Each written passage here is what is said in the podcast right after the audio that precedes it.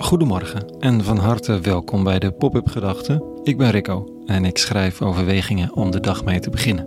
Een spel met bijbelteksten van de dag met steeds nieuwe verbindingen. En vandaag met de, de titel De zoektocht naar wat recht is. Pop-up Gedachten maandag 18 juli 2022.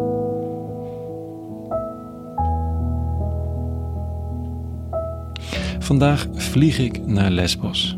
En dat vind ik een drama. Niet naar Lesbos gaan, daar zie ik enorm naar uit, maar dat ik geen andere manier heb gevonden dan vliegen. Toch ga ik, om de vrienden te bezoeken die ik onze, in onze gezamenlijke strijd voor meer recht heb gemaakt. En om een nieuwe podcast te maken over recht.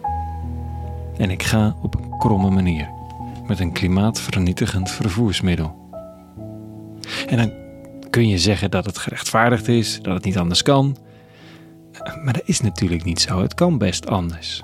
Maar met het afwegen van alle prioriteiten was dit de uitkomst. En ik blijf gewoon balen tot de dingen veranderen. En ik blijf gaan waar ik soms meen te moeten gaan. Recht en krom is nog niet zo eenvoudig. Vele boeren vinden vandaag de wereld dusdanig krom dat ze de vlag hebben omgekeerd. Talloze zag ik er het afgelopen weekend toen we op en neer reden naar de achterhoek. Omgekeerde vlaggen en boerenzakdoeken. Naast me in de auto las mijn vrouw me een tekst voor van Kees Klomp. Hij blijkt activist-onderzoeker te zijn, iets met economie. En hij schreef onder andere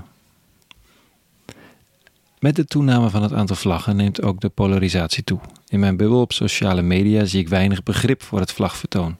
Ik zie veel mensen die om verschillende redenen de omgekeerde vlag als aanstootgevend ervaren en met allerlei krachttermen het veroordelen. Ik wil die mensen graag een andere manier van kijken aandragen die mij gisteren tijdens het fietsen overviel. Wellicht dat die blik voor een grotere verdraagzaamheid zorgt.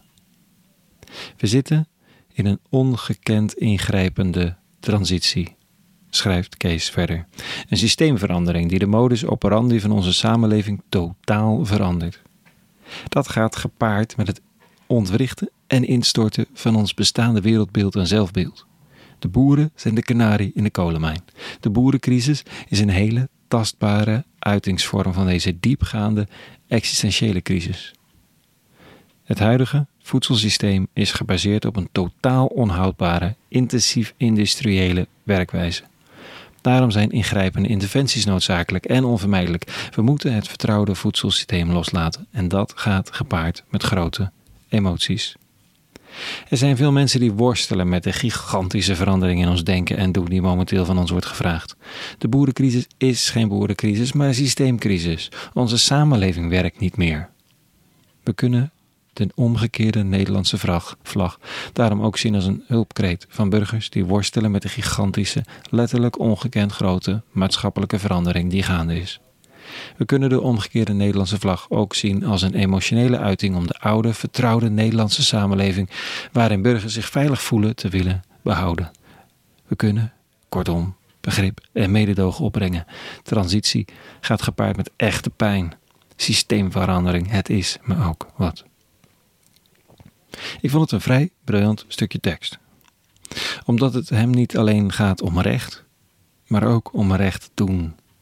Recht doen aan mensen, aan pijn, aan verdriet, aan woede en aan de noodzaak tot transitie.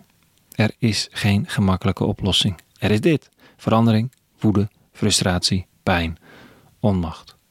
Goed, er zijn ook de nodige misbruikers van pijn en populistische politiek, miljonair boeren die je protest aardig schijnen te sponsoren en voor wie ik weinig begrip kan opbrengen, persoonlijk. Los daarvan, dit recht zoeken van klomp, wat gepaard gaat met recht doen aan. Ik vind het prachtig. Dit gaat allemaal door het hoofd vanochtend als ik die eeuwenoude tekst van de plattelandsprofeet Micha lees. Die schrijft: Waarmee zal ik voor de Heer treden, mij buigen voor God in den hoge? Zal ik voor hem treden met brandoffers, met eenjarige kalveren? Zal de Heer behagen vinden in duizenden rammen en tienduizenden beken olie? Met melk over schotten aan de ene kant, of marktdenken aan de andere kant? Mijn toevoeging. Nee, de Heer heeft gezegd wat goed is, mens. en wat hij van u verlangt. Hij wil niets anders dan dat gij u houdt aan het recht. Dat u de trouw eerbiedigt en u tegenover uw God ootmoedig gedraagt. Recht, trouw en ootmoed. Ik hoor er wel iets van in het verhaal van Kees. Dank. Kees. Tot zover vanochtend. Een hele goede maandag gewenst. Meer te vinden op popupgedachten.nl. En voor vandaag vrede gewenst. En alle goeds.